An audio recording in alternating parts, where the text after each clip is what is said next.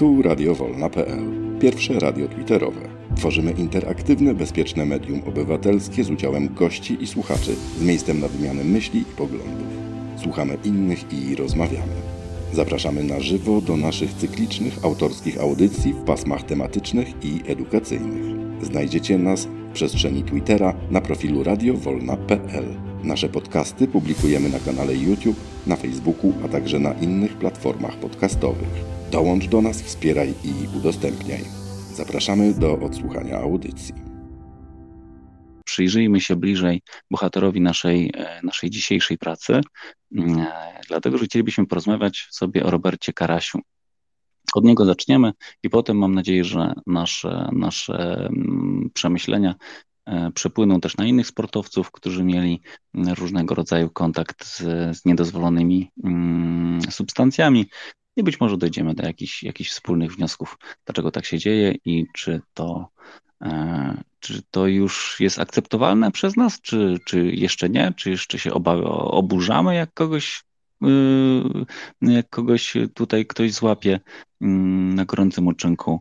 Mm, tak mi się wydaje, że mm, dotychczasowy sport, ten taki nowoczesny sport jest przepełniony farmakologią e, i, i tak głośne, i tak głośne e, przypadki, jak, jak przyłapanie Roberta Karasia, jakby układa tak naprawdę kolejny kolejny stopień tej drabiny hipokryzji, e, która nas otacza. To tak jakby na, na wstępie. Mm, kim jest Robert Karaś? Robert Karaś to jest 34-latek, mm, polski triatlonista, sportowiec ekstremalny. Mm, mogliśmy o nim usłyszeć e, mniej więcej dwa razy do roku startuje w takich jakichś gigantycznych wyzwaniach. Bardzo głośno było o nim e, w zeszłym roku, jak e, walczył w Szwajcarii o pobicie tego rekordu świata, który jest absolutnie Mount Everestem wytrzymałościowym, czyli dziesięciokrotnego Ironmana. E, to jakby to jest taki sport, który, który jest y, dla nas, takich zwykłych ludzi, jest tak abstrakcyjny, że nie sposób, nie sposób jakby nadążyć się za tym. W każdym razie y, wyobraźcie sobie, że wynik Roberta Karasia w kolejnych zawodach, y, bo tamtych szwajcarskich nie ukończył, śledziliśmy na bieżąco, z powodu kontuzji musiał się wycofać, będąc absolutnie liderem, liderem zawodów. I w następnej e, okazji w Brazylii e, dokonał czegoś nieprawdopodobnego, bo pobił dotychczasowy rekord świata o prawie 19 godzin. Przepłynął 38 kilometrów, przejechał 1800 na rowerze i przebieg 420 w czasie 164 godzin z minutami. Co się, z, co się z nim stało dalej? Dalej się stało z nim to, że dwa miesiące później, czyli na początku lipca, e, został ogłoszony wynik badania e, jego, jego próbki e, popranej po zawodach i została wykryta w tej próbce substancja niedozwolona, meldonium oraz mm, drostanol. Co się stało dalej? No cóż, Robert Karaś przyznał się, że wziął sobie te środki przed przygotow- w trakcie przygotowań do takiego drugiego sportu, którym się, którym się pasjonuje, czyli do walk MMA. E, to było w styczniu.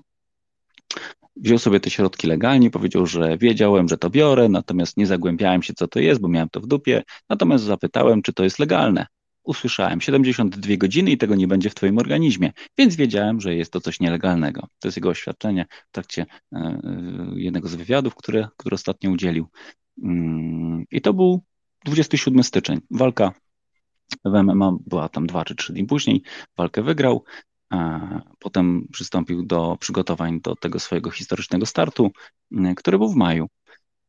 Po zawodach e, w maju, trzy dni później zostały, została pobrana próbka i ta próbka okazała się mm, dla niego bardzo e, pechowa. Chciałem poznać Wasze zdanie, jakie, jakie spostrzeżenia e, możemy wyciągnąć na tym etapie, na tym etapie mm, sytuacji. Oczywiście jest jeszcze jeden element takiej małej układanki, który być może wszystko wywróci do góry nogami, bo poczekamy jeszcze na ogłoszenie wyników próbki B. A próbka B to jest przypadek jeden na, nie wiem, na tysiąc, może na, nawet jeszcze rzadszy, kiedy próbka B jest inna niż próbka A. E, bo błąd może wynikać wyłącznie e, ze złej techniki pomiaru tej próbki pierwszej. To jest dokładnie ten sam mocz pobrany dokładnie w tym samym momencie z tej samej flaszki, tylko jakby próbka B mm, jest jakby takim potwierdzeniem e, tego pierwszego badania. Czekamy na tą, czekamy na tą, czekamy na ten wynik.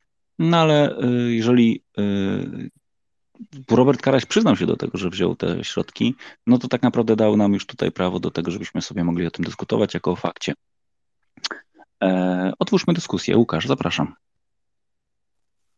E, no ja powiem na samym początku, że e, ja nawet nie chciałem oglądać tego wywiadu e, Roberta Karasia z Tomaszem Smokowskim na kanale sportowym, bo jak ja się o tym dowiedziałem i zacząłem czytać te jego wypowiedzi, w sensie te cytaty, tak, które zostały wrzucane e, gdzieś tam przez te wszystkie e, portale sportowe, że właśnie to, co powiedziałeś, Mateuszu, że, e, że on tak, on wiedział, że to jest nielegalne, że on wiedział, że to po trzech dniach właściwie wypukuje się z organizmu i tak dalej, i tak dalej. To ja nie miałem ochoty nawet tego słuchać, bo wiedziałem, że, że mnie to po prostu wkurzy, tak, bo mnie jako pasjonata sportu to, to takie rzeczy po prostu deprymują. Natomiast w związku z tym, że dzisiaj mieliśmy na ten temat rozmawiać, to obejrzałem dzisiaj ten, ten odcinek i trochę się też e, przygotowałem do, do tego. E, I zanim przejdę do samego Roberta Karasia, to chciałbym poruszyć taką kwestię, że ten sport, który jest dzisiaj, w XXI wieku, to już jest zupełnie e, inny sport niż był chociażby, nie wiem, 20-30 lat temu. I to też chyba musimy sobie, sobie wytłumaczyć, bo te wszystkie sporty wyczynowe, tak, typu piłka nożna, koszykówka, siatkówka czy Ironman, e, dziesięciokrotny Ironman, w tym co, co brał udział e, Robert Karaś, no organizm nie jest w stanie podołać wszystkim wyzwaniom, które dzisiaj stawia, stawiają poszczególne dyscypliny sportowe. Dlatego te wspomagacze, nazwijmy to, no one, one muszą być dostarczane z zewnątrz. I, i zauważmy, że że to nie jest, y, że te wspomagacze, o których wspomniałem, to one nie są tylko i wyłącznie dla sportowców zawodowych, bo nawet dla ludzi, którzy tak amatorsko y, sobie uprawiają sport, na przykład po, po pracy idą pobiegać, czy, czy, czy, czy nie wiem, czy na siłownię, czy, czy, czy na rower i tak dalej, no to zauważmy, że w zwykłym, w, w zwykłym sklepie można dostać jakieś napoje izotoniczne, tak, które też nawadniają nas nawadniają nasz organizm, czyli w jakimś stopniu e, one nas no, no dopingują, tak? I mówię, to jest tylko dla amatorów, tak? A jeśli amatorzy mają do tego taki dostęp, że, że mogą sobie to kupić razem, nie wiem, z jogurtem czy, czy, czy, czy z żółtym serem, tak, to też musimy zdawać sobie sprawę, jaki dostęp do tego, jak, do jakich lepszych środków mają e, dostęp ci zawodowi sportowcy. Tak, no i tak jak wspomniałem, że no, w związku z tym, że organizm ludzki już nie jest w stanie e, sobie poradzić z tymi wyzwaniami, które stawia przed nim sport XXI wieku, no to te suplementy muszą zostać dostarczane do organizmu. Te dziwne e, odżywki, czy jakieś inne środki, tak? On, I te, i w nich właśnie są te, te, te, te suplementy, tak? Czy dozwolone, czy niedozwolone, bo zauważmy, że już od dłuższego czasu, od kilku lat, e, WADA, czyli ta e, Światowa Organizacja Antydopingowa, ona coraz częściej przyłapuje tych sportowców na, na stosowanie dopingu i to nie tylko takich e, mniej znanych, ale tutaj wczoraj ktoś powiedział, że Maria Szaropowa była złapana, tak? No, bo tak było. Ja pamiętam na, na Olimpiadzie, chyba w 2014 roku to było, e, polscy sztangiści, chyba bracia Zielińscy, albo jeden z nich został też przyłapany na dopingu. E, także no, z jakiegoś powodu się to dzieje, że WADA e, ciągle rozszerza e, tą listę środków niedozwolonych. Tak? Z jakiegoś powodu się to dzieje. Myślę, że, że dlatego, że ten sport się cały czas rozwija. Są sportowcy osiągają coraz lepsze wyniki, coraz lepsze rezultaty. I w związku z tym, no, wszyscy wiedzą, że ten organizm trzeba jakoś wspomóc. Tak? Bo jestem przekonany, że E, te środki, które dzisiaj e, używają sportowcy, to 20-25 lat temu one pewnie znajdowały się na, na, na, liście, na liście łady, tak, jako środki niedozwolone. Tylko w związku z tym, że, że mówię, że sport też się rozwija, sport też się zmienia, no to łada musi też być bardziej elastyczna w tym kierunku, bo na, tutaj też się posłużę przykładem Bartka Salomona z Lecha Poznań, który też został, e, do, do klubu przyszła informacja w kwietniu, w połowie kwietnia, że, że zostaje zawieszony ze względu na, na obecność jakiegoś środka niedozwolonego, e, po czym się okazało, że to, co on zażył, to nie był taki środek, który, nie wiem, by go pobudzał, zwiększał masę mięśniową, czy w jakikolwiek inny sposób e, zwiększał jego, jego wydolność, tylko to był środek, który maskował działanie innych. To znaczy, ten środek, który on zażył, e, sprawiał, że szybciej ewentualne jakieś inne e, suplementy zostały wypukiwane z organizmu. Więc chociażby patrząc na to z tej strony, e, to już widzimy, e, do jakiego, w jaki sposób do tego podchodzi WADA. Tak? Że oni na wszystkie różne możliwe sposoby rozszerzają tą listę i wiadomo, że co kilka lat ona jest aktualizowana. Tak, i może też może też nie wszyscy sportowcy y, są na bieżąco z tymi listami e, aktualnymi. E, natomiast mówię, no, myślę, że to się stąd bierze, tak, że, że, że po prostu ten sport też się rozwija, że cały czas y, są lepsze rezultaty, że jest takie ciśnienie na to, żeby, żeby być lepszym od, od poprzedniego mistrza, tak, żeby ten rekord poprawić jeszcze, chociażby tam, nie wiem, o, o 3 sekundy, o, o 3 metry i tak dalej. I, I właśnie mam wrażenie, że to wszystko się, się, się stąd bierze, tak bo, bo do Roberta Karasia zaraz przejdę, chociaż, chociaż nie, może, może na razie to tyle, niech inni się wypowiedzą. Dzięki. Mhm, dziękuję Ci, Łukaszu, bardzo. Tak naprawdę to jest wyścig zbrojeń, mm, bo e, tak jak powiedziałeś, to, co e, dzisiaj jest e, dozwolone, kilka lat temu mogło być zabronione. Poza tym zwróćmy też uwagę na to, że nie tylko sterydy, anaboliki, tego typu sztuczne rzeczy są zakazane, ale na przykład stężenie pewnych hormonów, które są naszym naturalnym, naturalnym hormonem, tak? Tutaj choćby można wyliczyć hormon wzrostu czy, czy testosteron, tak? Także czasami stężenie też jakiegoś hormonu decyduje o tym, czy jesteś na, czy jesteś na e, dopingu, czy nie. E, tutaj o tym, e, wspomniałeś o tym wywiadzie na kanale sportowym. Tam też fajnie, że się wypowiadał taki znany, znany doktor Jakub Chycki. Można go znaleźć na YouTubie, polecam. Mądry człowiek, mądrze mówił, fajnie się go słucha i i są badania, które mówią o tym, że pewne środki znikają z biegiem czasu i przestają być wykrywalne. I ja, jak słucham e, tego typu historii, to wydaje mi się, że, e, że biorą wszyscy i tylko po prostu patrzą w kalendarz, jak o ile wcześniej, o ile wcześniej trzeba zażyć ostatnią, ostatnią dawkę, żeby w dniu próby stężenie jakiegoś hormonu było poniżej, e, poniżej e, tej granicy uznanej za doping.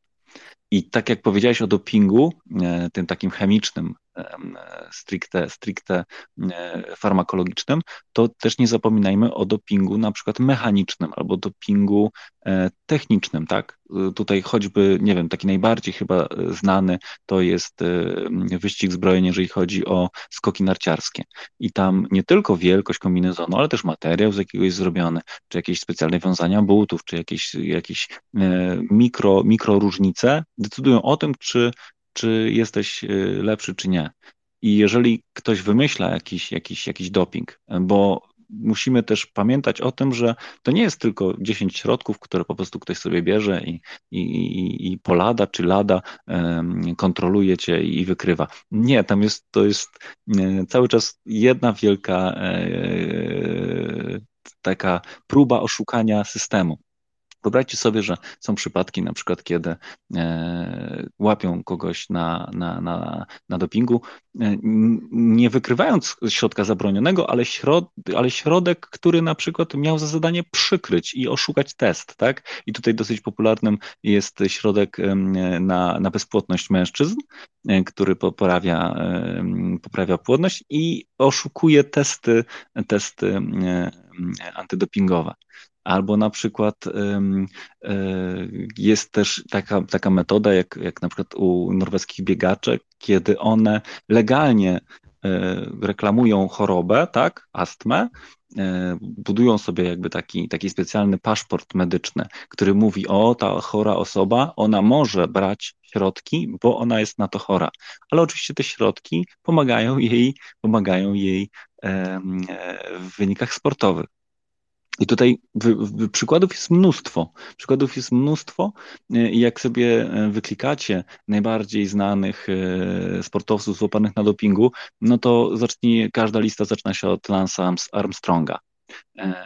W tamtych czasach to była tak, tak wielka hipokryzja, że w wywiadach i książkach, które później Armstrong opublikował, mówiono o tym, że, że to słynne EPO, czyli te środki, które pomagały im mieć takie wyniki, stały w lodówce obok jogurtu, tak, czy obok, obok płatków śniadaniowych na blacie, że to było tak, to po prostu wszyscy, wszyscy wtedy brali.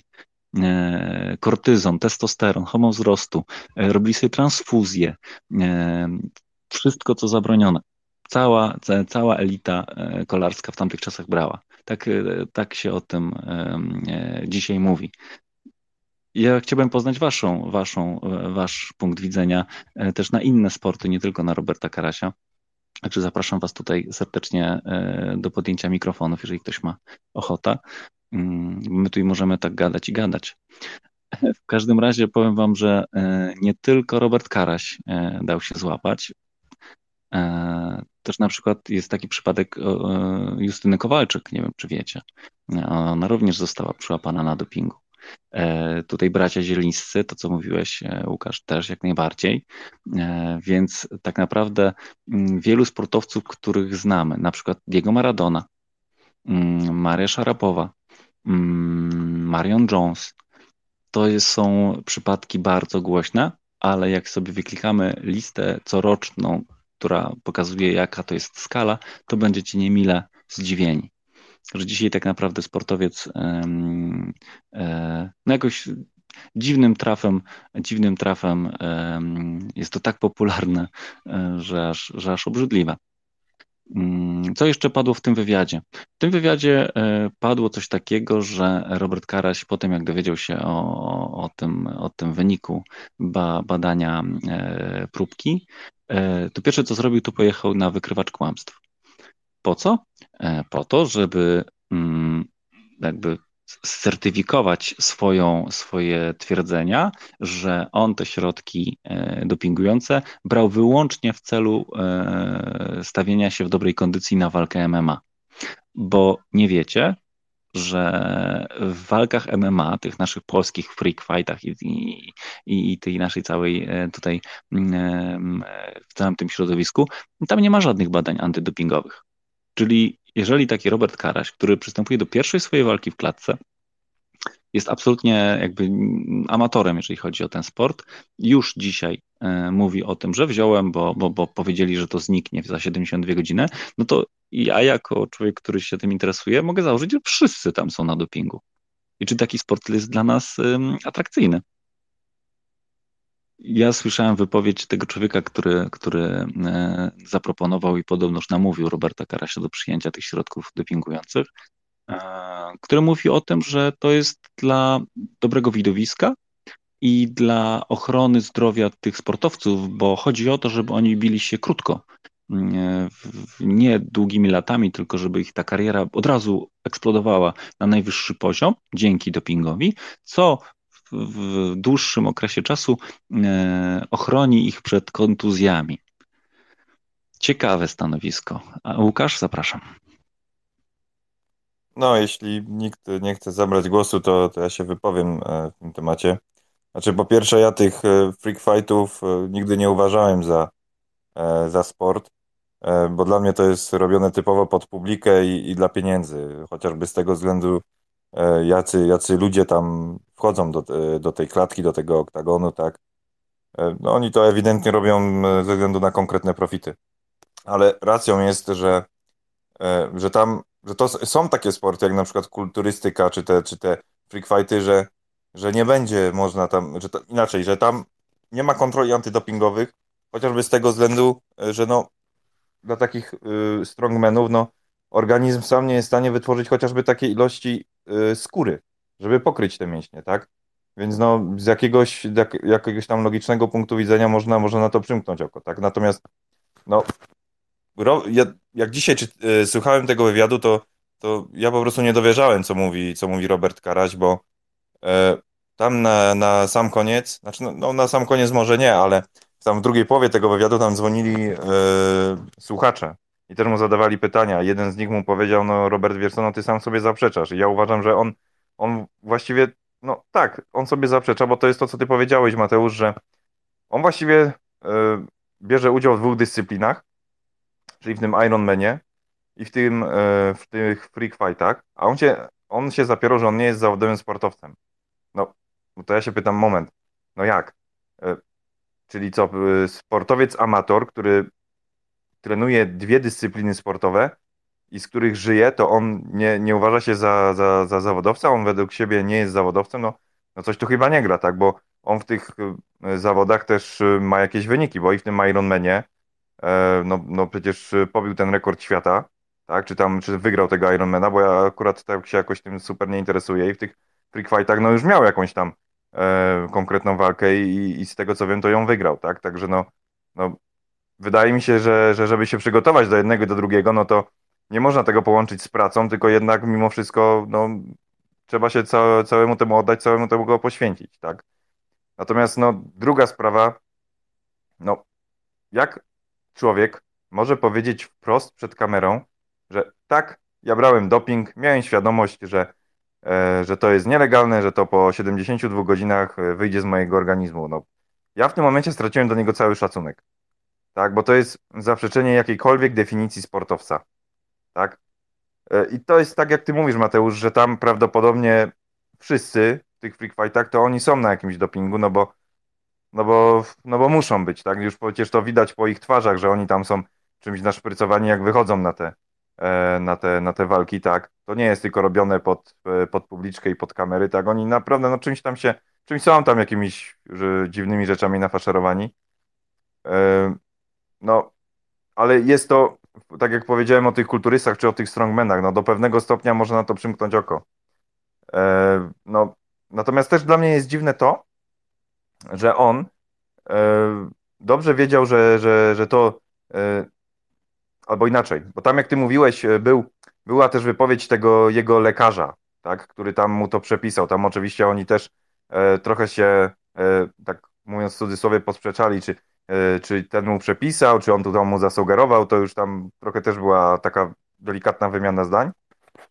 Natomiast mnie zdziwiło to, że ten lekarz też powiedział jawnie przed kamerą, że on się tym zajmuje hobbystycznie. To nie jest jego praca zawodowa, tylko on to hobbystycznie robi od 17 lat. Tak, i tam też jakiś słuchacz zadzwonił i powiedział, no, no, no jak, no, no to ty słuchasz kogoś, kto, kto, kto tak to sobie po prostu e, z pasji, e, z hobby e, wystawia jakieś recepty, jakieś deki na suplementy, no czy, no, czy ty, nie, mówił to oczywiście do Roberta Karasia, tak, czy ty w ogóle nie zdajesz sobie sprawy, jak to w ogóle mogło wyglądać i tak dalej, i tak dalej, no dla mnie to też jest trochę dziwne, tak, także nie wiem, naprawdę nie wiem, co on chciał osiągnąć tym, tym, e, tym wywiadem. Tak jak wczoraj wam powiedziałem, że, że pierwsza moja myśl była taka, że, że on chce zostać celebrytą i on pewnie myślał, że, że po tym programie zgłoszą się do niego jacyś e, przedstawiciele innych programów z komercyjnych telewizji i żeby on był przedstawicielem no, jednego z polskich show biznesów, tak, ale no, no nie wiem, on tam też się wypowiadał, że, że on zawsze był uczony, żeby mówić prawdę, ta sprawa z wariografem to już w ogóle jest jakaś jakaś abstrakcja, bo tutaj był przecież parę tygodni temu Kazimierz Greń, który też się bronił wariografem, chyba jest na to jakaś moda, tak, bo no przecież powiedzmy sobie szczerze, że Robert Karaś czy Kazimierz Greń to są ludzie e, majętni, to są ludzie, którzy mają wpływy, mają kontakty w różnych strefach i skąd my możemy wiedzieć, jaką my mamy gwarancję, że te, to badanie wariografem nie było ustawione pod nich, tak?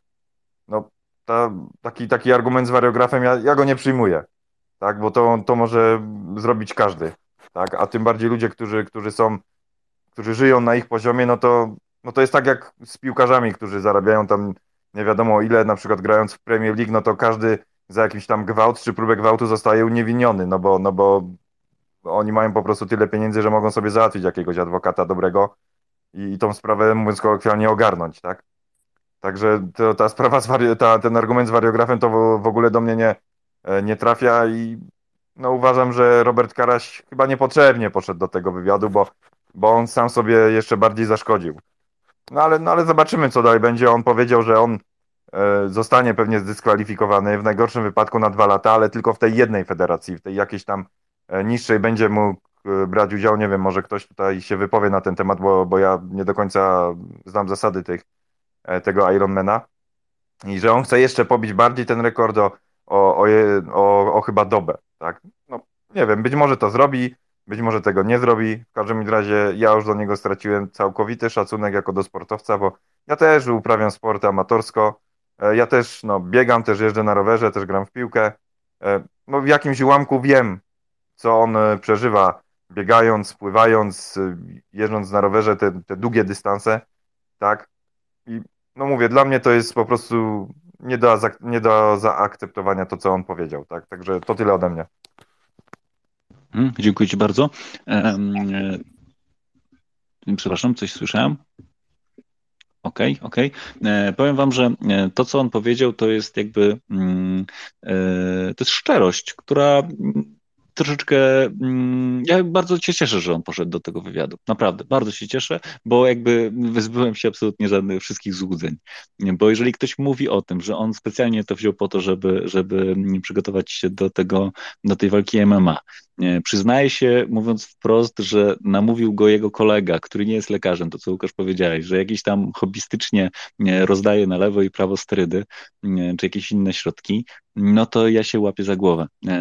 Kolejna informacja jest y, taka, że Robert Karaś sam nalegał na to, żeby te konkretne zawody, w których brał udział, miały status Mistrzostw Świata. A żeby taki status był spełniony, musi tam być oprócz certyfikowanych urządzeń pomiarowych, musi być też obowiązkowa kontrola antydopingowa. Więc yy, z jednej strony yy, wziął środki, wiedział o tym, że są zakazane, dostał zapewnienie, że, yy, że znikną po tam kilku dniach. To był luty, tak? Styczeń, luty. Zawody są w maju. On w maju wiedząc, spodziewając się, że jest czysty, wchodzi na, wchodzi na zawody. Człowiek, który brał udział w tym wywiadzie, ten, ten Jakub, e, Jakub Hycki, mówił o tym, że śladowe ilości mogą się jeszcze znajdować w organizmie po 29 dniach. I on, jak to mówił, jako osoba absolutnie e, wiedząca bardzo dużo e, w tych kwestiach, z takim uśmiechem mówił o tym, że, że praktycznie nie jest możliwe wykrycie go powyżej tych 29 dniach. Więc y, tutaj daje mi to prawo do złożenia takiego wniosku, że również po walce y, pan Karaś y, brał te środki. No bo między lutym a majem mija praktycznie trzykrotny odcinek czasu.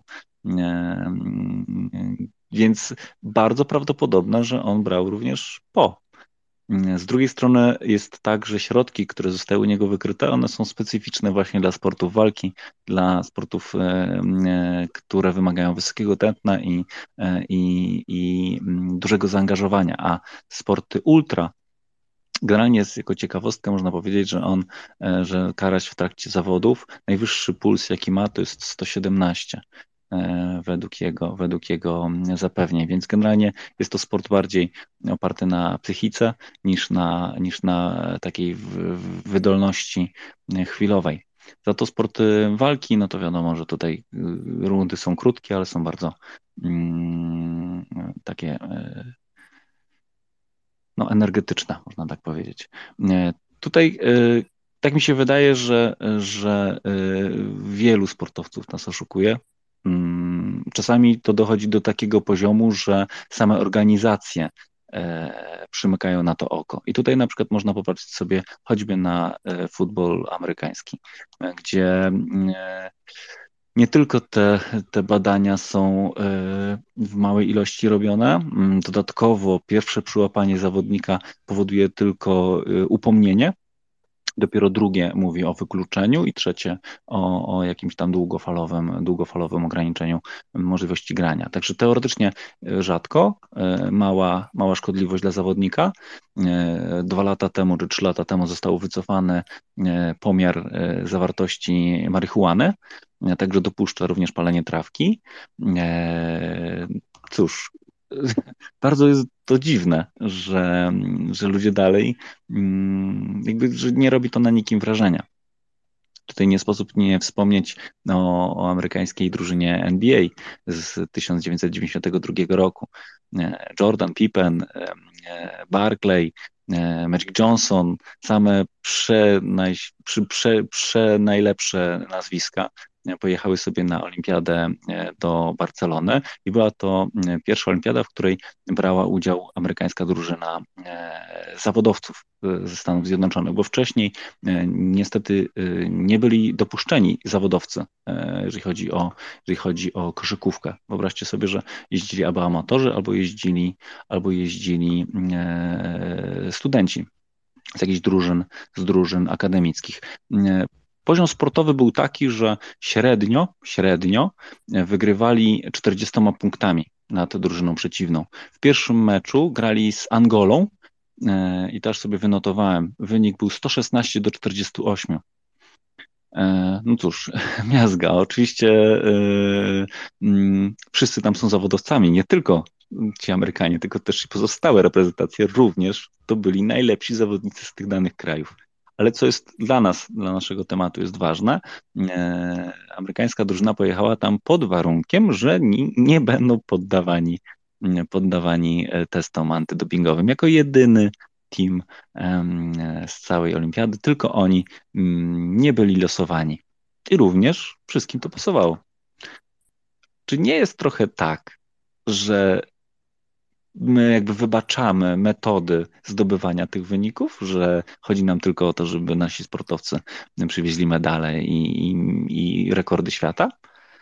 Mm, no bo popatrzcie, jeżeli jestem kulturystą i wiem, że za nie wiem, 10 miesięcy mam, mam zawody i z mojego organizmu e, wszystkie środki zakazane znikną na przykład po miesiącu, no to ja przez 9 miesięcy będę się szprycował, zbuduję sobie super formę e, w super rekordowym krótkim czasie, a potem przez miesiąc będę tylko ją podtrzymywał.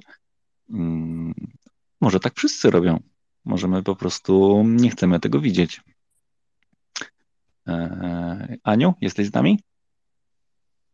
Tak, jestem, dotarłam, e, mogę się włączyć. Hmm, odpowiadając na Twoje pytania, albo nawiązując do Twojego pytania, Mateusz, to warto w ogóle zadać sobie pytanie na początku, e, dlaczego w ogóle ten doping jest stosowany? Dlaczego sportowcy sięgają? I oczywiście jednym z takich chyba głównych czynników jest to, co powiedział Łukasz na początku, że gdzieś już do granicy e, pokonywania rekordów e, gdzieś już e, świat sportu doszedł i w tej chwili trzeba ponadprzeciętnych umiejętności, żeby tą, tą granicę przekroczyć. To jest jeden z czynników, czyli no, gdzieś tam dalej się nie da. No i oczywiście pomagają temu różne, to, że te rekordy są pokonywane, wytrzymałościowe, szybkościowe, no jakiekolwiek, tak? Czyli dalej gdzieś e, jest kolejny rekord ogłaszany. E, niewątpliwie pomagają w tym e, techniki różne, czyli technologie, które też zostały zaangażowane do sportu, tak? No bo tak jak wcześniej powiedzieliście, jest to kwestia kombinezonów, strojów, butów, sprzętu, warunków w ogóle obiektów sportowych, więc to wszystko pewnie sprzyja temu, że te warunki do pokonywania E, i przeciwnika, i e, poprzedniego, czy obecnego mistrza, czy też e, samego siebie, no te warunki niewątpliwie są lepsze. I też na tym polu sport zmienił diametralnie swoje oblicza, niewątpliwie. Natomiast ten aspekt dopingu, no to tak, warto podkreślić przede wszystkim, że on nie jest, jest karany, tak? Jest to, jest to świecie sportu, jest to przestępstwo. E, jest to e, dlaczego?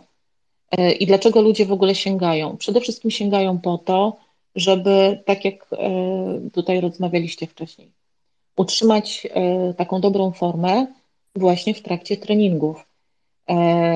Przede wszystkim właśnie chodzi o poprawę czy osiągnięć, czy pobicie kolejnego rekordu czyli pokonywanie przeciwników. To są takie bardzo silne czynniki, które powodują, że sportowcy sięgają po doping.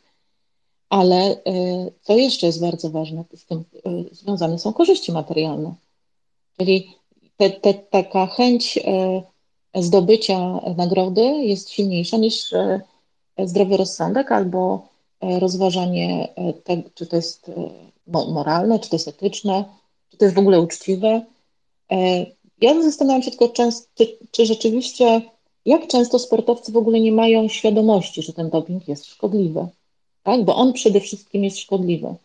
Czyli poszukiwanie być może, e, i chciałabym tutaj właśnie też troszeczkę jakby nawiązać do Roberta Karasia, więc może silniejsze jest e, poszukiwanie nowych doznań. I to wtedy już nie ma znaczenia, jakie to doznania są. Bo to też może być jeden z takich czynników, mówiąc o takich ekstremalnych już, czy powiedziałabym, że nawet e, nazwałabym to jakimś takim szaleństwem, co to, to co, czego dokonał czy, czy e, Robert Karaś w, w kontekście takim społecznym. To jest, moim zdaniem, to jest takie szaleństwo. To jest chyba właśnie też, może być jeden z czynników kolejnych, e, chęci kolejnych doznań. I teraz, jeśli spojrzymy na to, że ten e,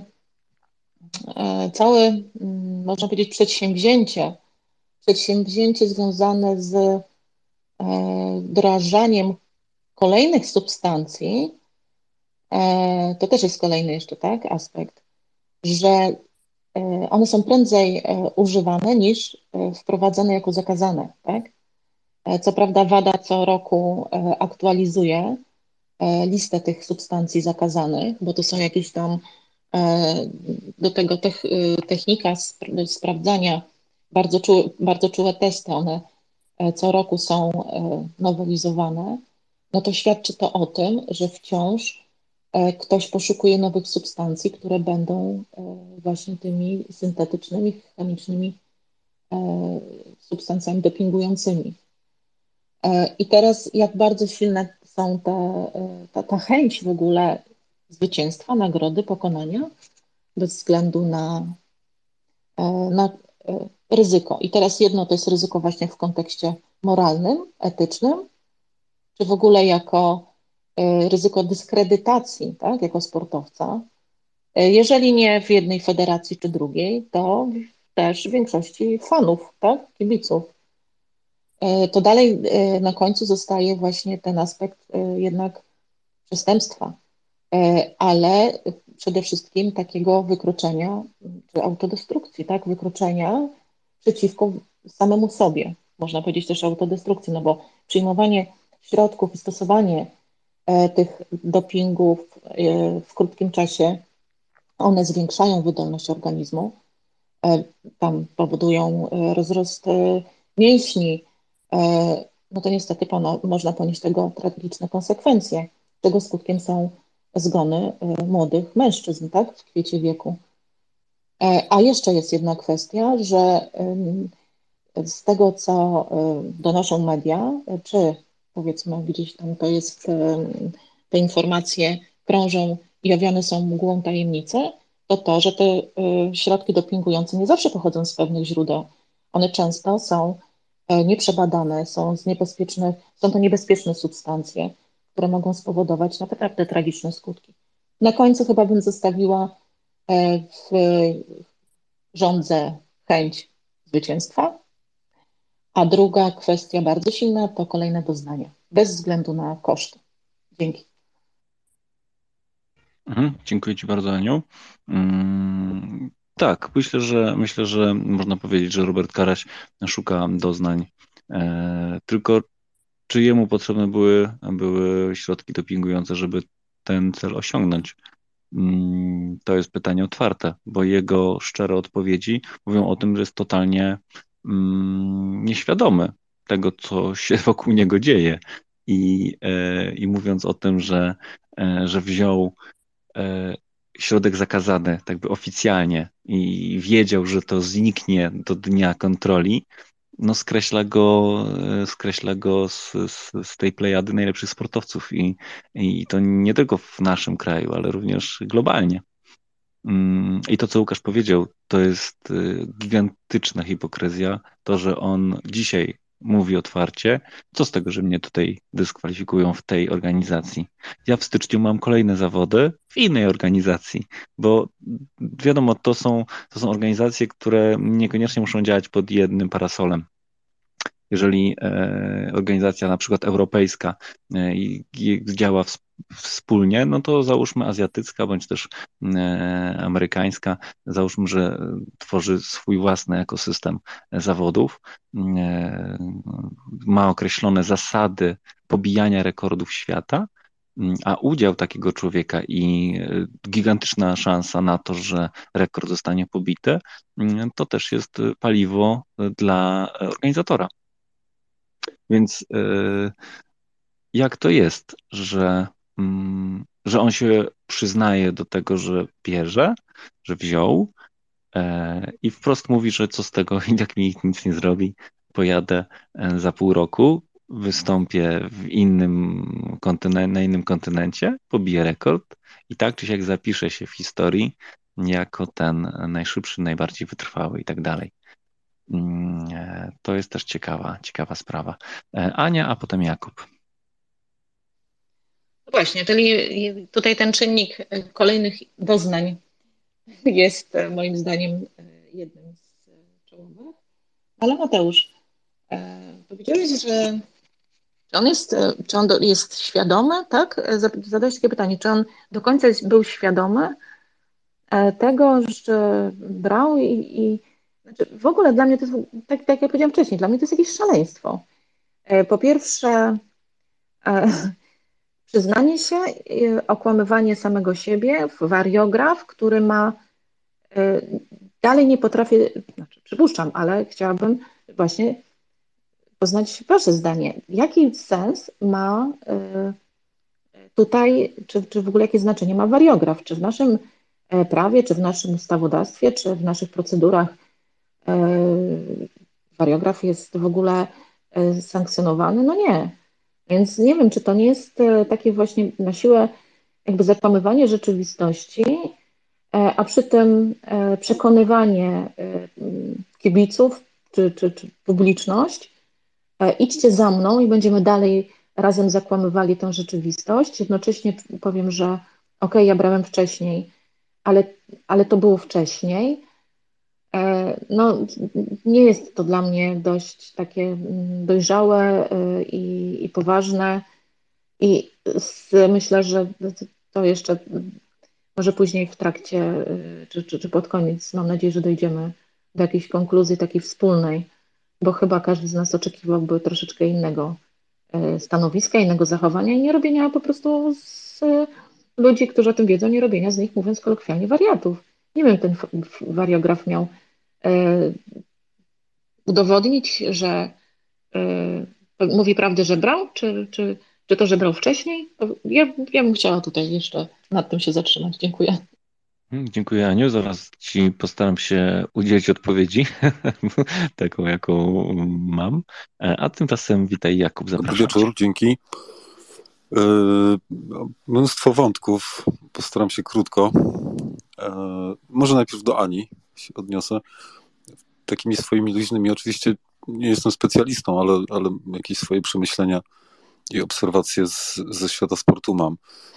E, myślę, że o dopingu można mówić na wielu poziomach. To znaczy mm, od takiego mm, stosowanego na siłowni, wiecie, osiedlowej do stosowanego u topowych zawodników na poziomie olimpijskim i tym takim najwyższym na świecie.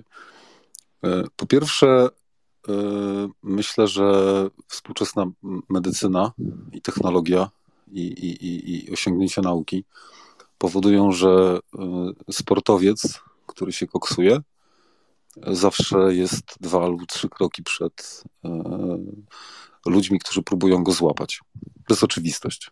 Tu, tu, tu dla mnie nie ma żadnej dyskusji. Oni zawsze są trochę z przodu, dlatego że e, ilość cząsteczek powstających w medycynie, ilość e, substancji chemicznych, które można zastosować i mieć korzyść w sporcie, jest tak duża, że ci, którzy mm, łapią, e, muszą to znaleźć, muszą to przetestować, muszą wyciągnąć wnioski i zakwalifikować substancję jako taką, która używana być nie powinna. To po pierwsze. Po drugie, e, nawiązując do osiedlowej siłowni i sportu olimpijskiego, uważam, że e, paradoksalnie, nie wiem czy się zgodzicie, ale uważam, że nie zawsze doping jest szkodliwy. W sensie tym e, takim podstawowym i zdrowotnym. Nie uważam, że zawsze jest szkodliwy, bo przynajmniej na tym najwyższym poziomie. No właśnie tutaj osiedlowa siłownia, wiadomo, różnie może być. Tak, na osiedlowej siłowni E, te używki będą z różnych źródeł, tak, będą używane w sposób niekontrolowany i nieodpowiedni, w cudzysłowie, i tak dalej, i tak dalej. Natomiast myślę, że na tym najwyższym poziomie, e, u tych topowych sportowców e, przyłapywanych na dopingu, tam kontrola lekarska, technologiczna i naukowa jest tak, tak duża, że ci ludzie nie ryzykują swoim życiem, żeby się koksować. Oni robią to pod kontrolą lekarską, oni znają konsekwencje, E, które moim zdaniem e, nie są szkodliwe dla zdrowia w jakiś e, dramatyczny sposób. Po kolejne, myślę, że 99,5% sportowców koksujących wie o tym, że się koksuje. Myślę, że ilość przypadków sportowców, którzy naprawdę przed kamerą rozkładają ręce i mówią, kurczę, naprawdę nie wiedziałem, to musiało być w tym obiedzie, który jadłem przedwczoraj jest, jest y, śladowa. Ci ludzie y, siedzą w sporcie, ci ludzie znają się na, y, na tym, co robią całe życie, widzą efekty swojej pracy. I nawet gdyby ktoś im coś dawał, a oni o tym nie wiedzą, to wyczują, że coś jest tak. Chociaż to, to się nie dzieje. Według mnie to jest za o, o, o obustronną zgodą. I tutaj też wątpliwości raczej nie mam po kolejne.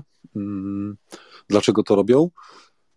To jest miejsce, w którym y, myślę, że y, myślę, że się nie zgodzę z Tobą, przynajmniej z częścią Twoich wypowiedzi. Myślę, że najważniejszym, wręcz jedynym podstawowym powodem jest chęć osiągnięcia sukcesu, chęć zwycięstwa.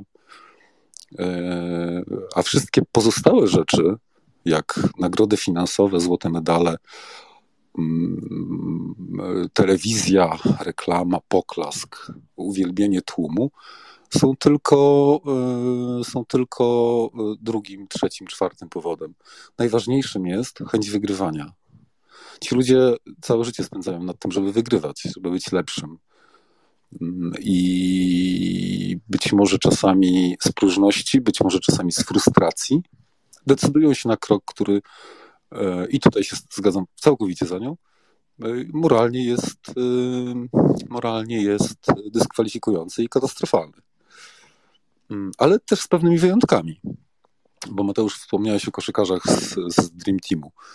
Wiecie, jak jest w Stanach w sporcie zawodowym? No, otóż jest tak, że tam ci ludzie mogą brać doping, ten, który jest w, na przykład w sporcie olimpijskim zakazany. Dlaczego to robią? No, jest na to przyzwolenie. Ci ludzie nie są badani pod tym kątem, e, a dzieje się tak dlatego, że e, ja myślę, że jakby zaakceptowano to na początku, tak? E, koszykarze w, w NBA grają w sezonie zasadniczym 82 spotkania, latając po całych Stanach, a to zawsze jest kilka godzin lotu, grając co 2-3 dni.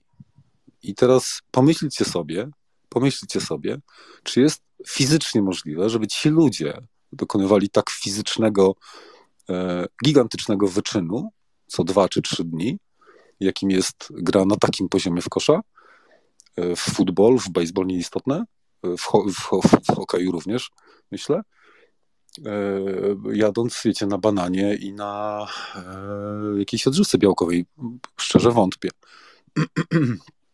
E, więc dla mnie sednem rozmowy, akceptowaniem lub też nieakceptowaniem tego zagadnienia jest po prostu mm, ustalenie pewnych zasad, tak? I przestrzeganie ich. Jeżeli na początku zakładamy sobie, że tego nie dopuszczamy, to jeżeli bierzesz w tym udział, to powinieneś być wykluczony. Czy jesteś wykluczony? Prawie nigdy nie jesteś prawie nigdy nie jesteś. Muszą cię złapać dwa, czy trzy, czy cztery razy, żebyś został tak naprawdę wykluczony z dyscypliny. E, co pokazuje e, historia sportu polskiego czy światowego, tak? E, sportowcy, którzy się koksowali, często wracali do dyscypliny, często zdobywali medale, byli mistrzami.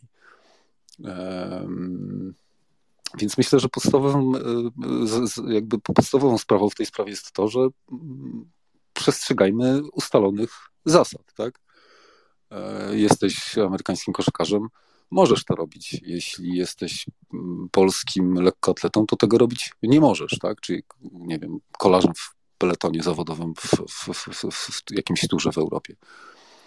E, wywiadu i tej rozmowy z Karasia nie słyszałem. Znam tylko dwa czy trzy te najbardziej e, przerażające intelektualnie i moralnie zdania. E, I chyba nie słucham od początku, niestety, ale, ale nie wiem, czy poruszyliście naj, najważniejszą sprawę, której ja nigdzie skomentowanej nie usłyszałem. Mianowicie tego fantastycznego zdania, które brzmi: Środek, który brałem, miał się wypłukać w ciągu tam, nie wiem ilu, 30 dni, zdaje się, tak? 30 dni. Y, generalnie myślę sobie, że mm, spożywanie różnych substancji y, chemicznych czy lekarstw y, to jest rzecz, która jest dobrze przebadana. I wiadomo, że jeżeli zażyjesz jakąś dawkę jakiejś substancji, to dokładnie wiesz, kiedy ta substancja z twojego organizmu zniknie. To, to jest mierzalne. To jest mierzalne, to się robi. E, nawet w przypadku, e, wiecie, najprostszego leku przeciwbólowego, który kupisz sobie bez recepty w aptece. I to jest najciekawszy wątek. Złapcie kontekst. E, przychodzi do ciebie trener i mówi: To jest pewien środek, który spowoduje, że będziesz 15% szybszy. Za 30 dni on jest niewykrywalny. Złapcie kontekst, tak? Ja myślę, że to, co jest wykryte w sporcie zawodowym, to jest naprawdę jakiś mały procent tego, co dzieje się na co dzień w sporcie. Nie wiem, jak wielu sportowców yy, to bierze, natomiast yy, yy, natomiast myślę, że myślę, że wiemy tylko o niewielkiej części tych rzeczy, które się które się dzieją, o, o tych zdaniach, o, które Mateusz powiedziałeś o tym, że ten gość tam, prawda, tu jest dyskwalifikowany, a tam nie jest. O tym w ogóle nie rozmawiajmy, bo to jest, to, to jest tak durne, to jest tak głupie i tak niewłaściwe, że tego właściwie się nie da skomentować. To jest, e, to jest parodia. Chyba tyle. Sorry za chaos, ale miałem mnóstwo myśli. Dzięki. Mhm, dziękuję Ci bardzo. Wiele rzeczy y, po, po, jakby po, poruszyliśmy na początku, o tych 72 godzinach i potem tych 29, które eliminują środek, też mówiliśmy. Tam w tym, w tym kanale sportowym też była wypowiedź doktora, który się na tym bardzo dobrze zna, Jakuba Chyry. Chyry? Przepraszam, nie, nie, nie, nie, nie Chyry. E, Chycki, e, Jakub Chycki. I właśnie on z takim dziwnym, krzywym uśmiechem mówił o tym, że, że nie jest prawdopodobne, żeby ten środek był wykryty po trzech miesiącach. To tutaj też jakby niedopowiedzenie bardzo mocno wybrzmiało. E, ja jestem zdania, że żyjemy w bańce i nam się wydaje, że sport jest, jest pełny idei i moralności, a najprawdopodobniej jest y, pełny kalkulacji, e, przeglądania kalendarza i, e, i ryzyka. To jest trochę jak jeżdżenie samochodem za szybko po mieście. Jest ograniczenie do 50, ale i tak jedziesz 70. No bo mm, prawdopodobnie za rogiem nie ma policjanta, bo nigdy tam ich nie było. Więc jeżeli na przykład bierzesz środki i jesteś w takim kanale przygotowawczym, na przykład do olimpiady i Polada, czyli ten nasz polski, polska agencja antydopingowa, e, z niespodzianki e, przebada cię na przykład dwa razy przed, przed olimpiadą, mm, no to kalkulujesz ryzyko po prostu. Po prostu kalkulujesz ryzyko i, i albo dasz się złapać, albo nie. W przypadku e, sportów, które, tak jak tutaj Robert Karaś mówi o tym, że MMA, no bo no, to było dla niego tam, nie wiem, nieistotne, czy coś weźmie, czy nie. Zaufał kolegom z sali treningowej, jakiemuś gościowi, który hobbystycznie rozdaje na lewo i prawo tabletki. To jest, to jest, to jest nieprawdopodobne po prostu, co jest, co jest w głowach niektórych ludzi. A jeżeli chodzi o odpowiedź dla ciebie, Aniu, o tym wariografię, E, to też jest dowód na to, że w głowie Roberta Karasia jest rozdzielony Karaś, który zdobywa e, rekordy świata w ultra triatlonie i e, drugi Robert Karaś, który bije się dla pieniędzy w klatce. No bo pamiętajmy, też o tym, że on do klatki trafił tylko przez to, że jest sławnym sportowcem i rekordzistą świata. On tam nie trafił dlatego, że jest wybitnym walczakiem i, i, i super profesjonalnym wojownikiem. On jest po prostu znany. To są freak fighty i tam są gigantyczne pieniądze. I być może dlatego nikt tam nie robi tych testów antydopingowych, bo okazało się, że 100% zawodników jest, jest do wyrzucenia.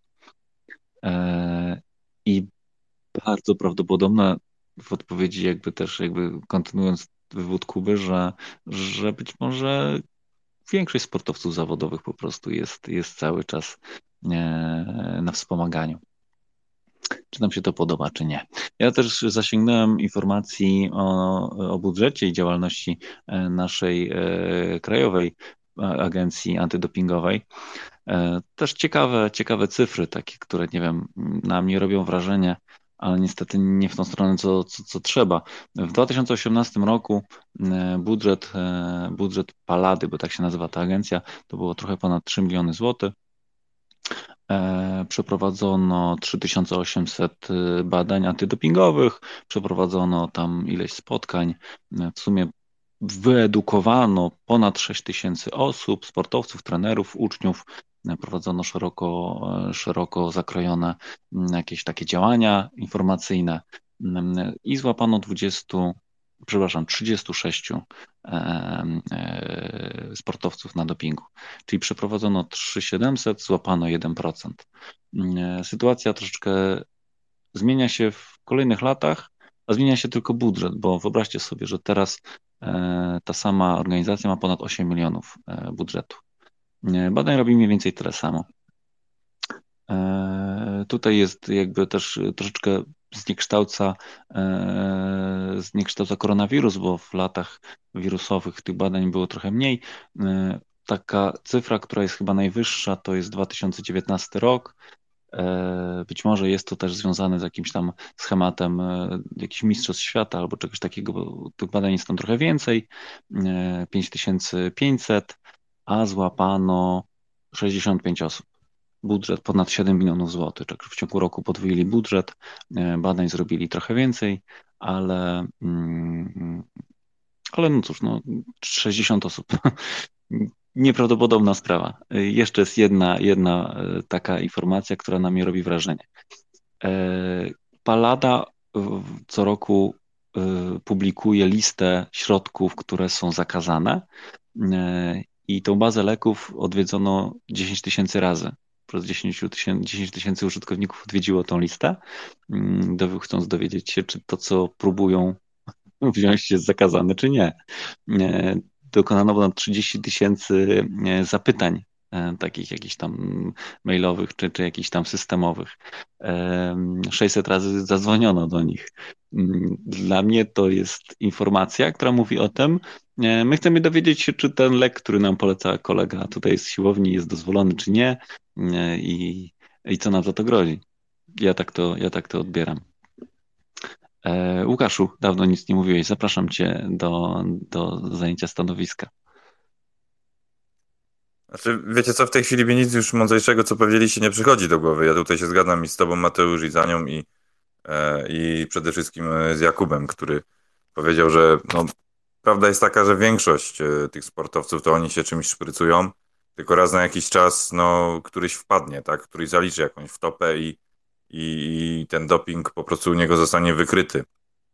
Bo też uważam, że oni przecież, e, skoro całe życie y, trenują, tak, całe życie mają styczność z tymi siłowniami, bieżniami, tak, czy, czy, czy, czy innymi y, sprzętami i odżywkami do, do, dla, dla sportowców, no to oni dobrze wiedzą, co oni robią i też do mnie nie trafia przekonanie, że ja nie mam pojęcia, skąd się to wzięło w moim organizmie, naprawdę. No, no, no nie, ja pamiętam jeszcze chyba w 2010 albo 2011 roku u Jakuba Wawrzyniaka, piłkarza wtedy e, Panathinaikosu Ateny, wykryto też jakiś e, środek dopingujący.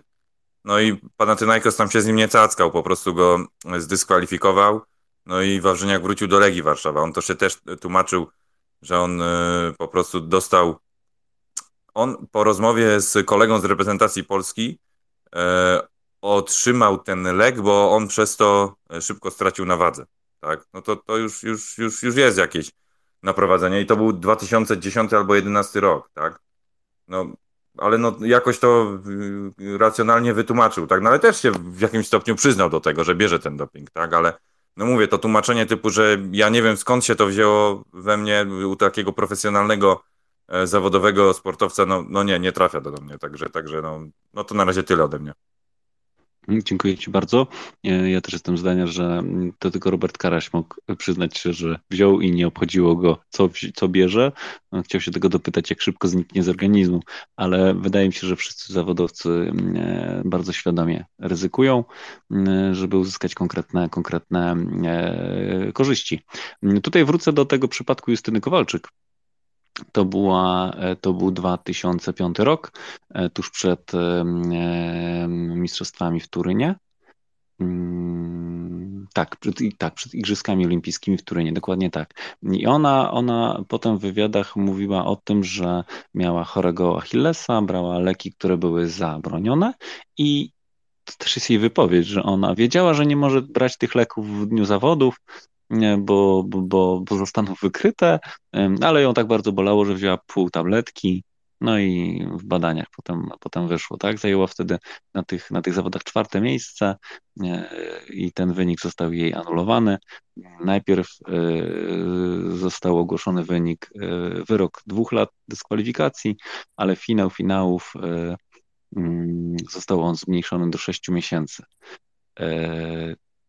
to też jest y, tutaj symptomatyczne, że zawodnik, który wie, że mu nie wolno, y, bierze mm, i potem wypowiada się w ten sposób, że, że to go zmotywowało do dalszej walki. Tak samo mówi Robert Karaś dzisiaj, że, że on się w sumie cieszy, że, że to wszystko się zdarzyło, bo po pierwsze może sobie odfiltrować przyjaciół, zobaczyć, kto jest mu wierny i kto z nim został.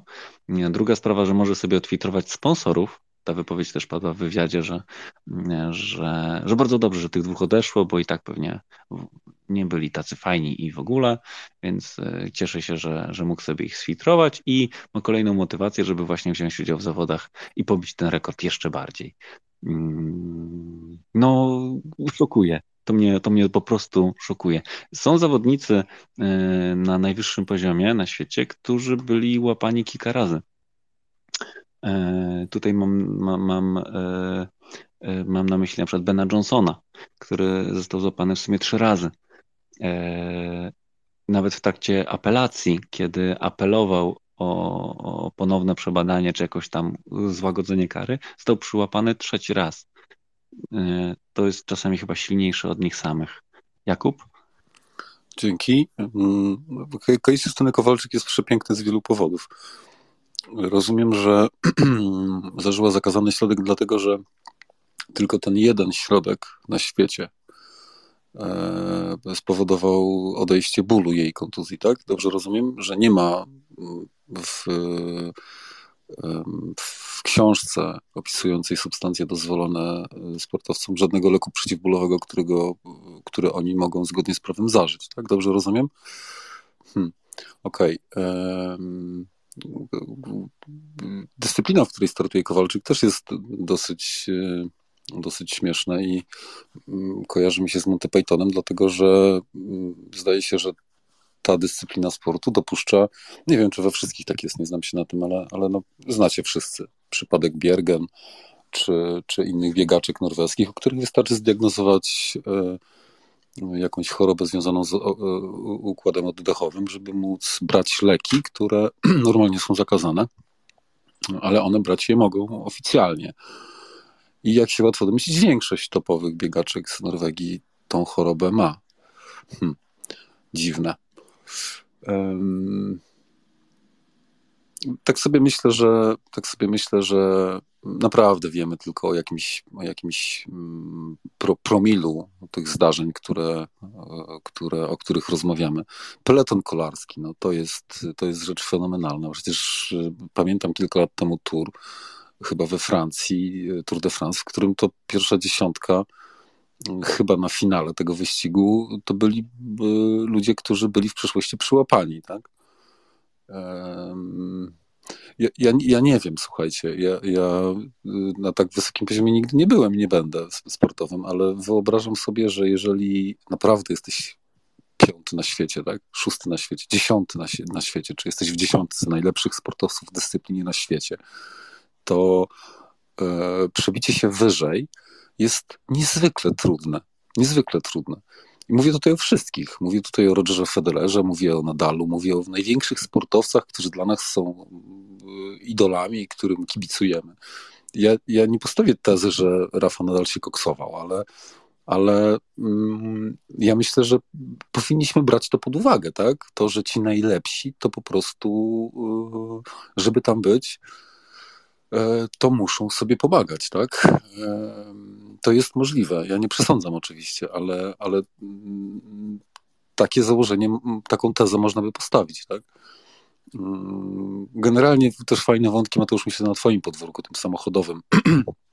gdzieś kiedyś, e, jak miałem chwilę wolnego czasu, wiele miesięcy temu, to, to widziałem taki, taki program o, e, o, o wyścigach e, samochodowych. Nie pamiętam, w, w której to było formule, być może w pierwszej, w którym to jakiś producent samochodów wypuścił nowinkę techniczną, E, która e, dawała mu bonus, e, taki dociskający samochód do, do, do, do, do jezdni, co spowodowało, że z, jakby zdystansował wszystkich konkurentów w jakiś spektakularny sposób. I to wydaje się w następnym sezonie, czy jeszcze w kolejnym, zostało zakazane i uznane za, za niezgodne z przepisami. No i właśnie, i tu pytanie, czy to też jest zakazany doping, coś takiego? Nowinka techniczna, która zostaje wprowadzona E, bo jakiś sprytny i utalentowany inżynier na nią wpadł. No to jest ciekawe, tak? Ania powiedziała o kombinezonach skoczków narciarskich. No właśnie. E, a jeżeli ktoś wymyśli, nie wiem, bardziej śliski materiał, czy bardziej nośny materiał, to czy to też już jest do doping? Mm, sprawa jest bardzo płynna i jakby chyba trudna do, do nazwania tak wprost i e, zero-jedynkowo. Dzięki bardzo. Mhm, dziękuję Ci bardzo. Ja szybciutko się odniosę do paru rzeczy. E, Justynę Kowalczyk nikt nie pamięta, dlatego że Justynę lubimy. Niestety, takie mam wrażenie, że, że niektórym te przewinienia mm, są szybciej zapominane. Niestety.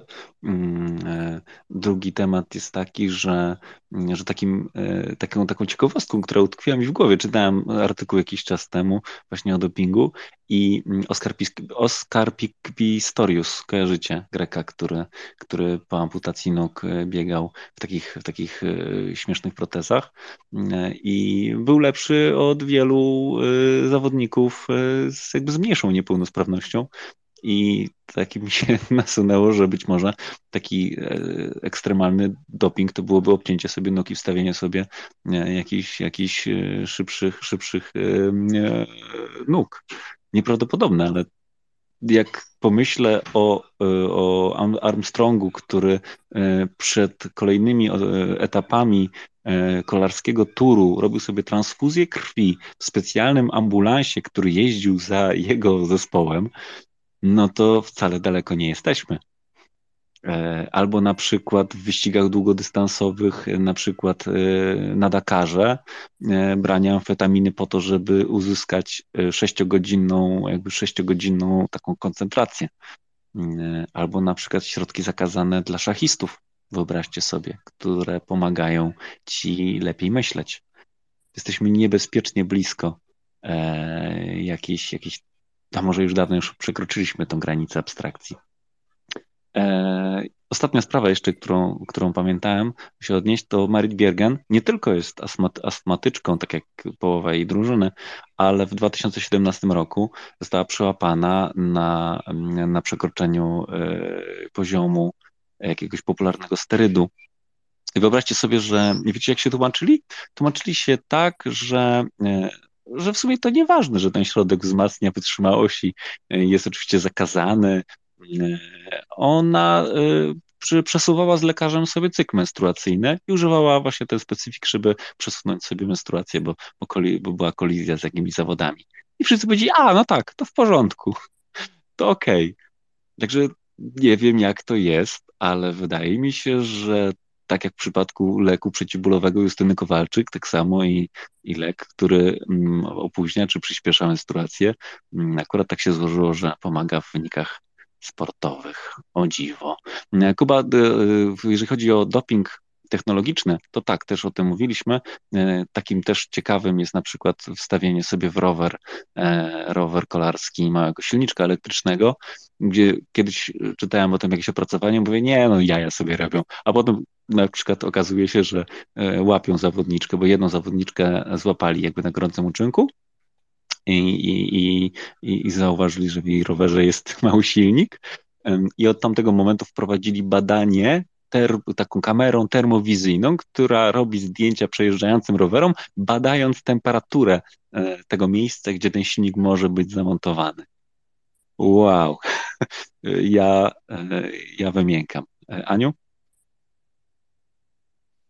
No, jak tak Was słucham, to dochodzę do wniosku, że jeśli chodzi o kwestię takiego, no mówiąc kolokwialnie, czystego sportu, który nie jest w jakiś sposób skażony różnymi działaniami, substancjami, e, to chyba możemy sobie tylko podyskutować właśnie na takim, e, w takim kontekście właśnie moralnym, etycznym i to, co by spełniało nasze oczekiwania, bo e, jeszcze nie zapominajmy, że są jeszcze inne formy dopingu, nie tylko te dotyczące różnych substancji syntetycznych, ale na przykład bardzo duże kontrowersje budzi no już tak zwany doping genetyczny, tak? czyli e, ingerencja w, w działanie czy, czy tą ekspresję genów, e, wszczepianie różnych tkanek zmodyfikowanych e, genetycznie. Był przypadek przeszczepu chociażby siatkówki oka u jednego z, z sportowców, który nie pamiętam tylko, czy strzelał z łuku, czy strzelał z jakiejś broni, E, no i jeszcze przecież mamy różne inne e, takie mm, wspomagacze, czyli to do, ten doping, tak? Możemy mówić tak e, ogólnie, że jest to doping. To na przykład chirurgiczne usuwanie tkanki tłuszczowej, tak? Jest ok. Albo na przykład przeszczep ścięgiem mięśni, czy na przykład przeszczep szpiku kostnego, tak? Jest jeszcze wiele innych metod, jakieś na przykład E, usuwanie chociażby właśnie są metody tak zwanego płukania organizmu, detoks, czyli usuwanie toksyn, śladów dopingu z organizmu, albo transfuzję krwi, tak? Czyli tak naprawdę, jeśli zajrzymy do różnych sposobów, e, czy różnych metod tego dopingu, no to możemy mieć chyba wątpliwości, czy, czy rzeczywiście ten Rubikon już nie został przekroczony, E, I wiecie co, nasuwa mi się taka refleksja w związku z tym. E, bo jeżeli my jako kibice, jako obserwatorzy, pasjonaci sportu, e, postawimy siebie w roli mm, takiego konsumenta, który no, poniekąd ten towar y, kupuje, tak? Czy, czy w przenośni, czy dosłownie, bo kupując bilet na jakąś imprezę, no to też chcemy obejrzeć sport. E, I teraz stawiając się w, chociażby w roli konsumenta, klienta, e, mamy też świadomość, że klienci e, dzielą się na tych, którzy kupują świadomie oryginalne towary i są tacy, którzy świadomie kupują podróbki, tak? żeby gdzieś tam tylko była imitacja tego, tego towaru. I chodzi tutaj o taką sytuację, że klient, który kupuje towar E, i ma świadomość, że kupuje oryginał, tak naprawdę chyba na końcu e, jest oszukiwany. E, czy chcecie mi powiedzieć w związku z tym, że kupujemy podróbki? Dziękuję. Mhm, dzięki, Aniu. Mm, jakby idziemy niebezpiecznie w kierunku tego, co jest na przykład w Formule 1, to co Jakub powiedziałeś o tym, o tym, że jakiś sprytny inżynier wymyśla coś, czego nie wymyślił nikt inny, Mm, Formuła pierwsza i, i, tego typu, tego typu e, dyscypliny poradziły sobie z tym, wprowadzając budżety, budżety mm, jakby na, na, na rozwój, czyli muszą zmieścić się w ograniczonej kwocie pieniędzy, bo wiadomo, że tutaj tak naprawdę pieniądze robią wielką różnicę, bo można tych inżynierów zatrudnić stu e, albo przesiedzieć e, jeszcze więcej godzin w, w jakimś tunelu aerodynamicznym, szukając najlepszych rozwiązań. Być może w przypadku sportowców też zrobimy sobie taki budżet, że dobrze, to możesz wymienić w tym sezonie jedno ścięgno i usunąć sobie jedną kość. Kto wie, może do tego idzie. Eee, idzie postrzeganie jakby sportowca jako, jako narzędzie. Jeżeli chodzi o, jeżeli chodzi o, o taką wizję, mm, żywcem wyciągniętą z jakichś książek fantastyczno-naukowych, można powiedzieć, że kiedyś będą dwa rodzaje dyscyplin. Jedne dyscypliny będą takie, takie e, dla tych takich starszych roczników, kiedy będzie e, walka na boso, nago, albo tam, nie wiem, o wodzie i o, i o, o suchej bułce, gdzie tak naprawdę nie będzie ważne, kto wygrał, tylko chodzi o to, żeby to był taki mityczny e, olimpijski sport. I będzie druga liga, która będzie pozwalała na wszystko, gdzie wszyscy będą totalnie nakoksowani, nikogo to nie będzie w ogóle ruszało, gdzie będą e, pobijane rekordy świata o, o godzinę, o, o, metr, bo ktoś właśnie wymyślił nowy środek dopingujący. E, I niestety obawiam się, że ta druga część sportu będzie bardziej spektakularna. Jak ktoś będzie, nie wiem, bieg 100 metrów 5 sekund dzięki super świetnym butom i jakiegoś, jakiejś, jakimś specyfikom. Mm, tutaj jakby przy okazji czytania różnych rzeczy przed rozmową z wami trafiłem też na takiego sportowca, który również został skazany za doping. Mm, I mam na myśli Diego Maradona. Diego Maradona e, jest dopingowiczem, dlatego że brał kokainę. Tylko pytanie, czy tą kokainę brał faktycznie po to, żeby grać lepiej w piłkę, a może nie mógł sobie poradzić z czymś innym. Całkiem przy okazji został e, wrzucony do jednego worka e, z zawodnikami, którzy poprawiają sobie wydajność i wytrzymałość. Do przemyślenia. Jakub? Dzięki. No Maradona to na pewno był przyłapywany na, na po prostu narkotykach. Nie pamiętam jego pierwszego, e, pierwszej wpadki dopingowej, ale na pewno te wszystkie, które kojarzę, były związane raczej z radosnym trybem życia i, i, i, i jego problemami i demonami w środku, a nie tam z, z, z dopingowaniem siebie. Ja myślę, że to były czasy, w których e, było tak bardziej romantycznie właśnie, wiesz, na boso i, i wysmarowanie oliwką.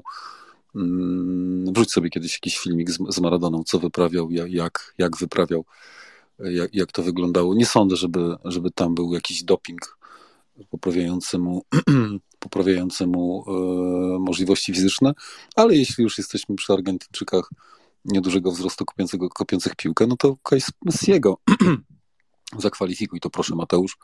W wieku, nie wiem, nie pamiętam, nie jestem wielk, wielkim fanem, ale kiedy Messi był dzieckiem, to przecież dostawał hormony wzrostu już grając w piłkę. Co pewnie na pewno w jakiś sposób wpłynęło później na jego, e, na jego fizyczność.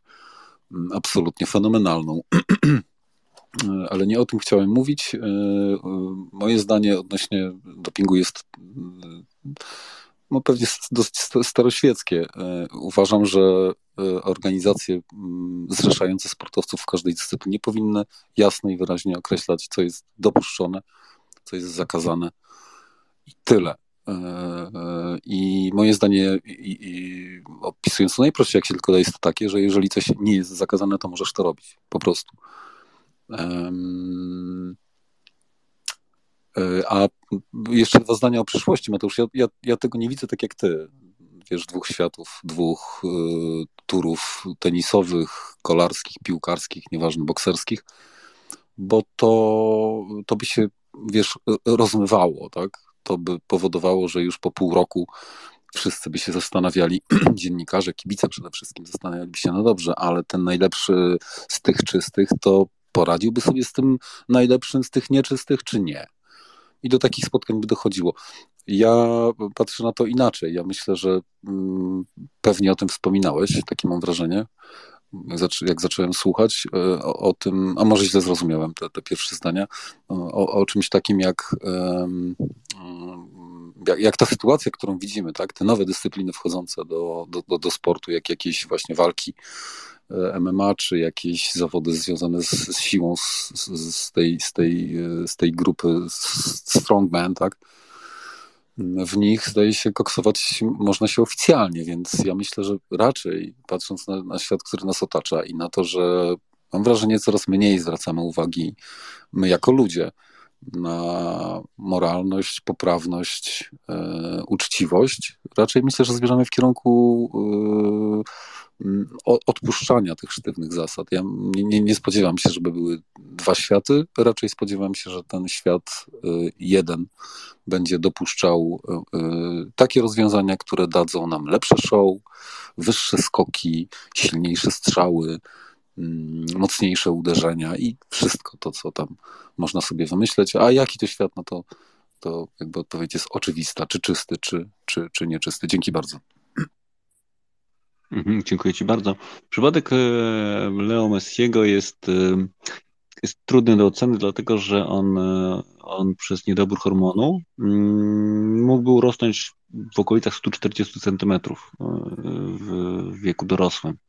Aktualnie mierzy 170, więc mm, można założyć, że ta kuracja faktycznie pozwoliła mu dorównać, jeżeli chodzi o wzrost do innych. Czy pomogła mu lepiej grać w piłkę? I tak, i nie. Mm, gdyby tego nie było, no byłby mm, najniższym zawodnikiem w zawodowym futbolu i podejrzewam, że, że nikt nie brałby go poważnie. Z drugiej strony, mm, to co dzisiaj ma, to, czy tym, to czym dysponuje, tymi 170 centymetrami, no nie daje mu wielkiej przewagi.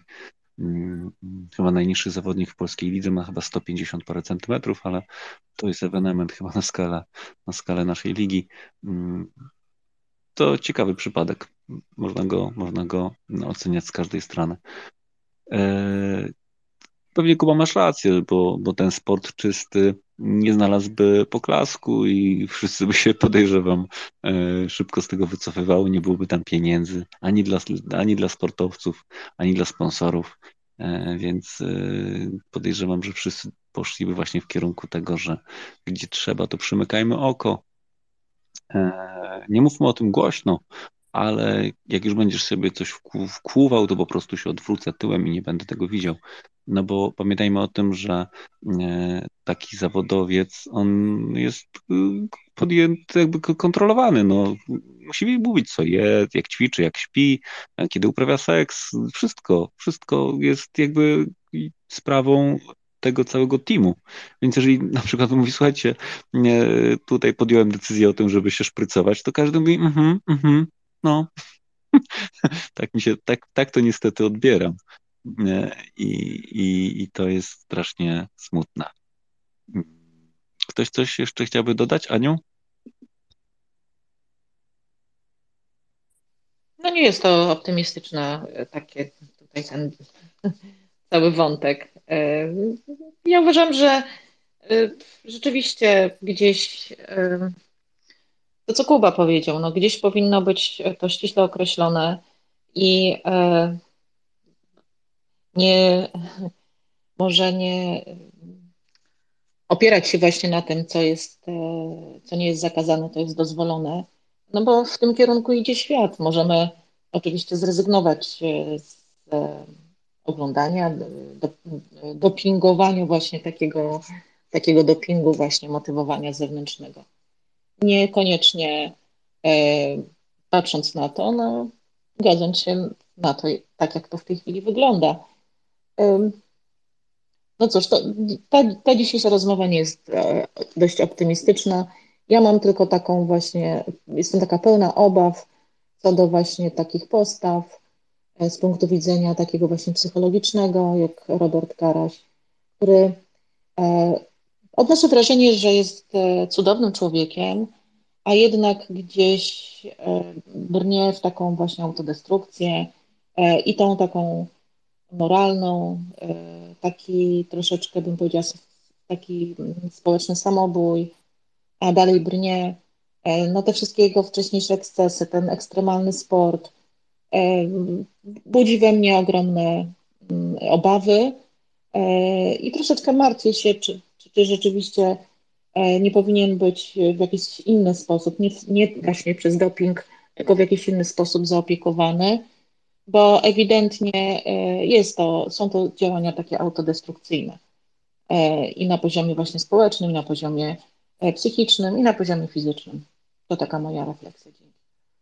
Aniu, aż jest, są, są pozytywy z tej naszej rozmowy. No wyobraźmy sobie, że już w styczniu czy w lutym mm, Robert Karaś pobije rekord świata i będziemy mieli Polaka z rekordem świata i, i za trzy lata wszyscy będą mówili o tym, że Robert Karaś jest mistrzem świata i nie będą mówili o tym, że jest za nim jakaś szara, szara historia.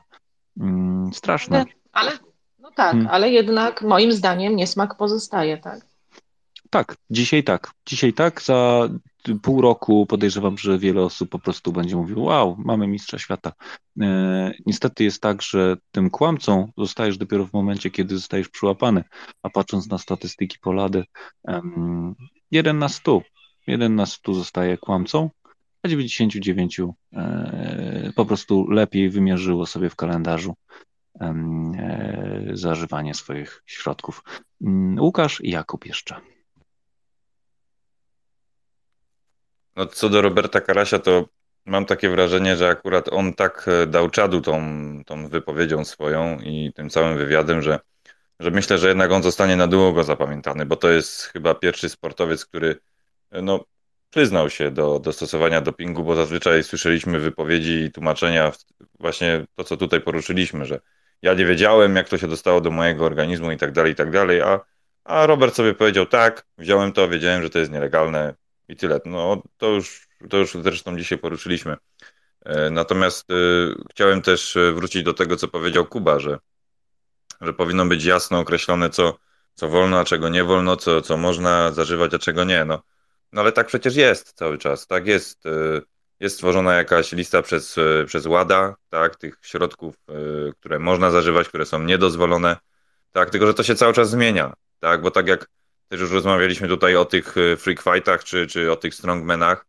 No, oni zażywają, no bo, no bo na tym polega ten sport, tak? Ale ktoś może powiedzieć, no, że e, to jest sport kontaktowy, te, te walki, tak? No to piłka nożna, czy koszykówka, czy jakieś inne, nie wiem, szczypiorniak, tak, piłka ręczna, to też są e, sporty bardzo mocno kontaktowe i w związku z tym tam też już są potrzebne coraz śmielsze, odważniejsze odżywki, które zawierają tam jakieś y, y, coraz więcej ilości tych, tych środków dopingujących, tak? Także też mi się wydaje, że, to, że cały sport zmierza w tym kierunku, no, że no za chwilę nie będziemy mieli jakichś czystych sportowców, czy, czy, czy już właściwie ich nie mamy, bo o tym też już dzisiaj rozmawialiśmy, tak? Także no też tutaj się zgadzam za nią, że ta rozmowa nie jest zbyt optymistyczna, ale niestety no, no w tym kierunku zmierza, zmierza cały świat i cały sport, tak? Tyle ode mnie. Dzięki Łukasz. Jakub, zapraszam. Dzięki. Mm, ja myślę, że jednak jest pewien pozytyw w tej rozmowie. Mm, wrócę do, do mojego rozwiązania. E, e, niech to rozwiązanie nie brzmi tak, e, w taki sposób, że nie możesz brać substancji tej, tej, tej, tej i tej, tej, tylko raczej te mm, sztywne zasady, które są wyznaczane, niech będą wyznaczone w sposób e, możesz brać ten, ten, ten i ten specyfik. E, I niech ta lista będzie tak skonstruowana, a jesteśmy w stanie to zrobić przy dzisiejszym poziomie e, naukowo-medycznym, który zapewni, zapewni dostęp do wszystkich i związanych z astmą, i związanych ze sprawami kobiecymi, i związanych z y, tym, że będziesz za mały za 10 lat. Mm, stwórzmy listę zamykającą, y, zamykającą drogę do y, innych rzeczy. Jeśli coś jest na pograniczu, jeśli jest coś cudownego, nowego wymyślone w tak zwanym międzyczasie, to niech się to opiera na transparentności i otwartym zapytaniu, czy ten, czy ta substancja mnie piłkarzowi jest, jest czy ja ją mogę brać, tak? Czy nie ma tutaj jakichś dodatkowych bonusów, które spowodują, że co prawda szybciej wyleczę sobie Achillesa, ale, mm, ale uzyskam jakieś inne bonusy. To jest proste.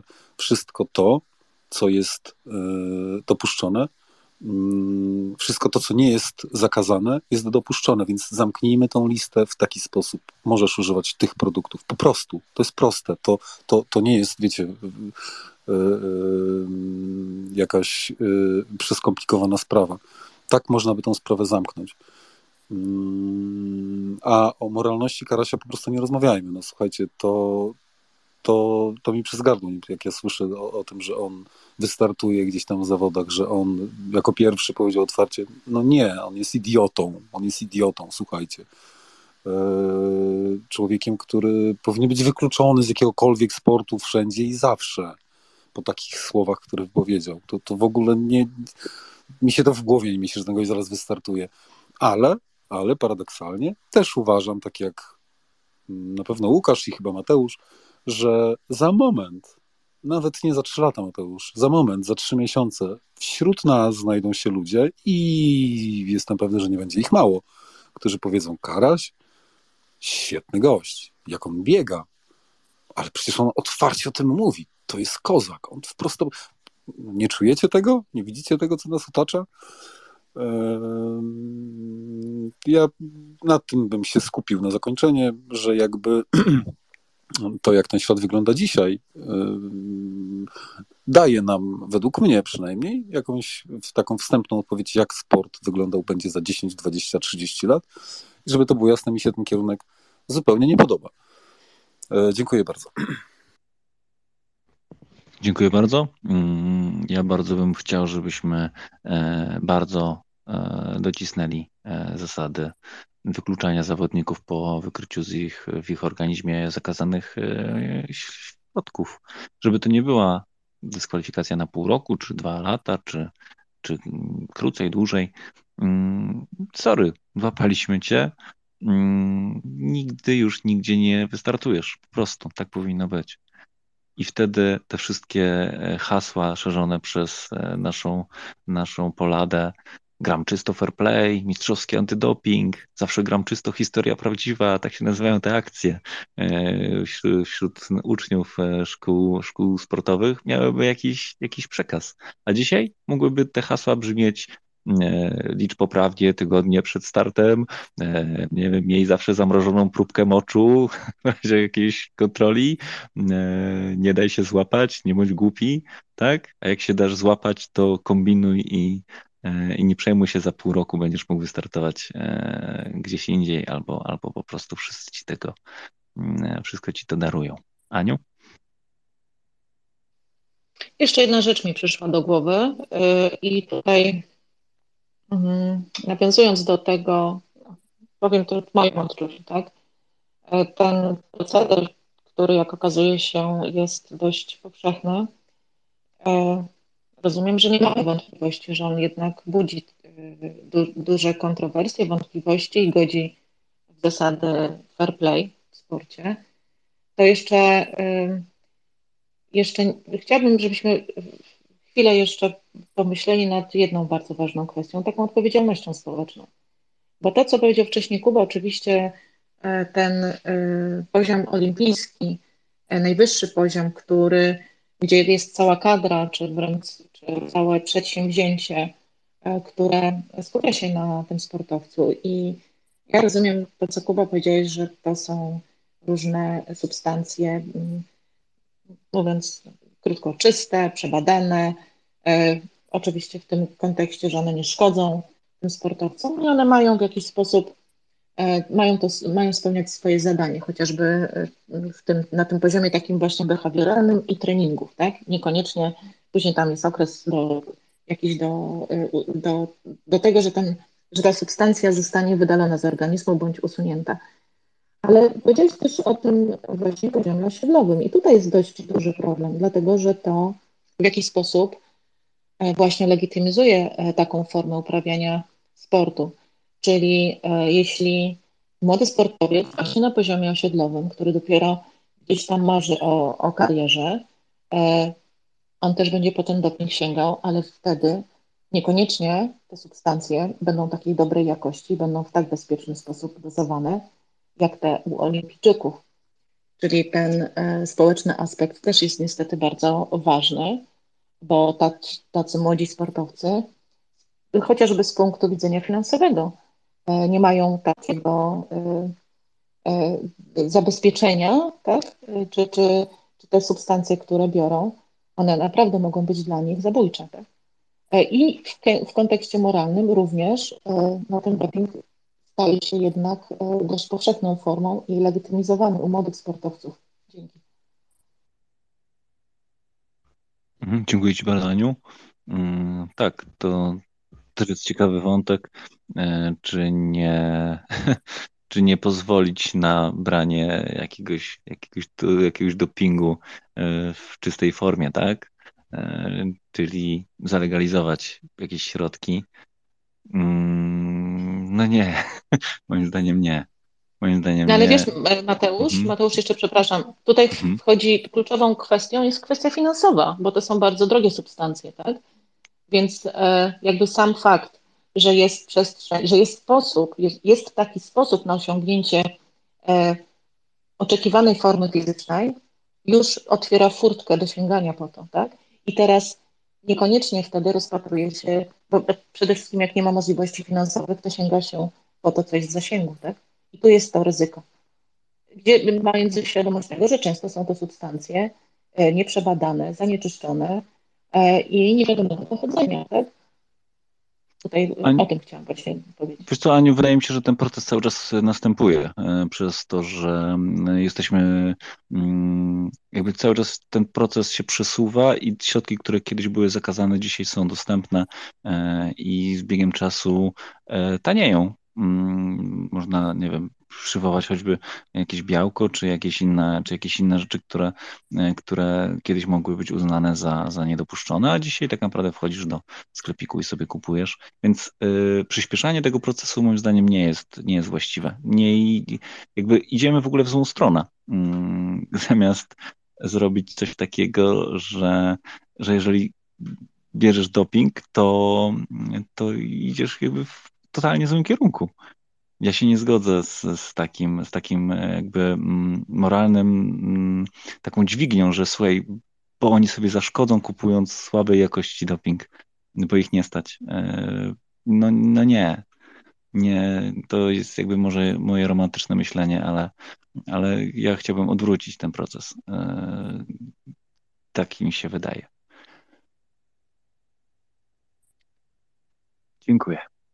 Jeżeli ktoś chciałby jeszcze coś dodać, ewentualnie Aniu chciałabyś się odnieść, to, to, to, to jest dobry moment, bo za chwileczkę chyba zamkniemy dzisiejszą dyskusję. Aniu?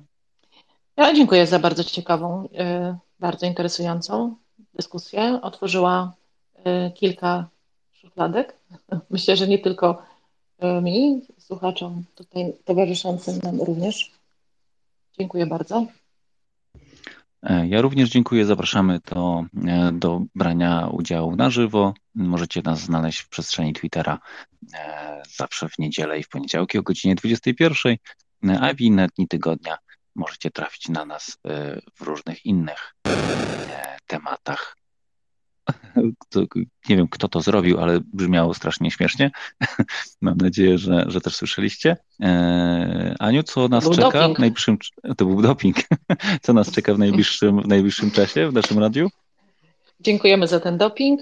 E, Śledźcie nas, tak jak Mateusz powiedział, zapraszamy do śledzenia naszego profilu. E, Na obecną chwilę mamy najbliższą audycję w środę o godzinie 21.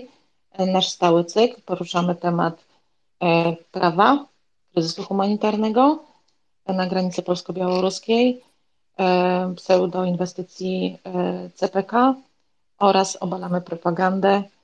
E, Zapraszamy do, do udziału w naszej audycji środa 21. Ta audycja jest prowadzona przez ekspertów. Także ja serdecznie zapraszam. Dzięki Aniu. Dzięki bardzo wszystkim. Do usłyszenia, do zobaczenia. Dobrego wieczoru. Cześć.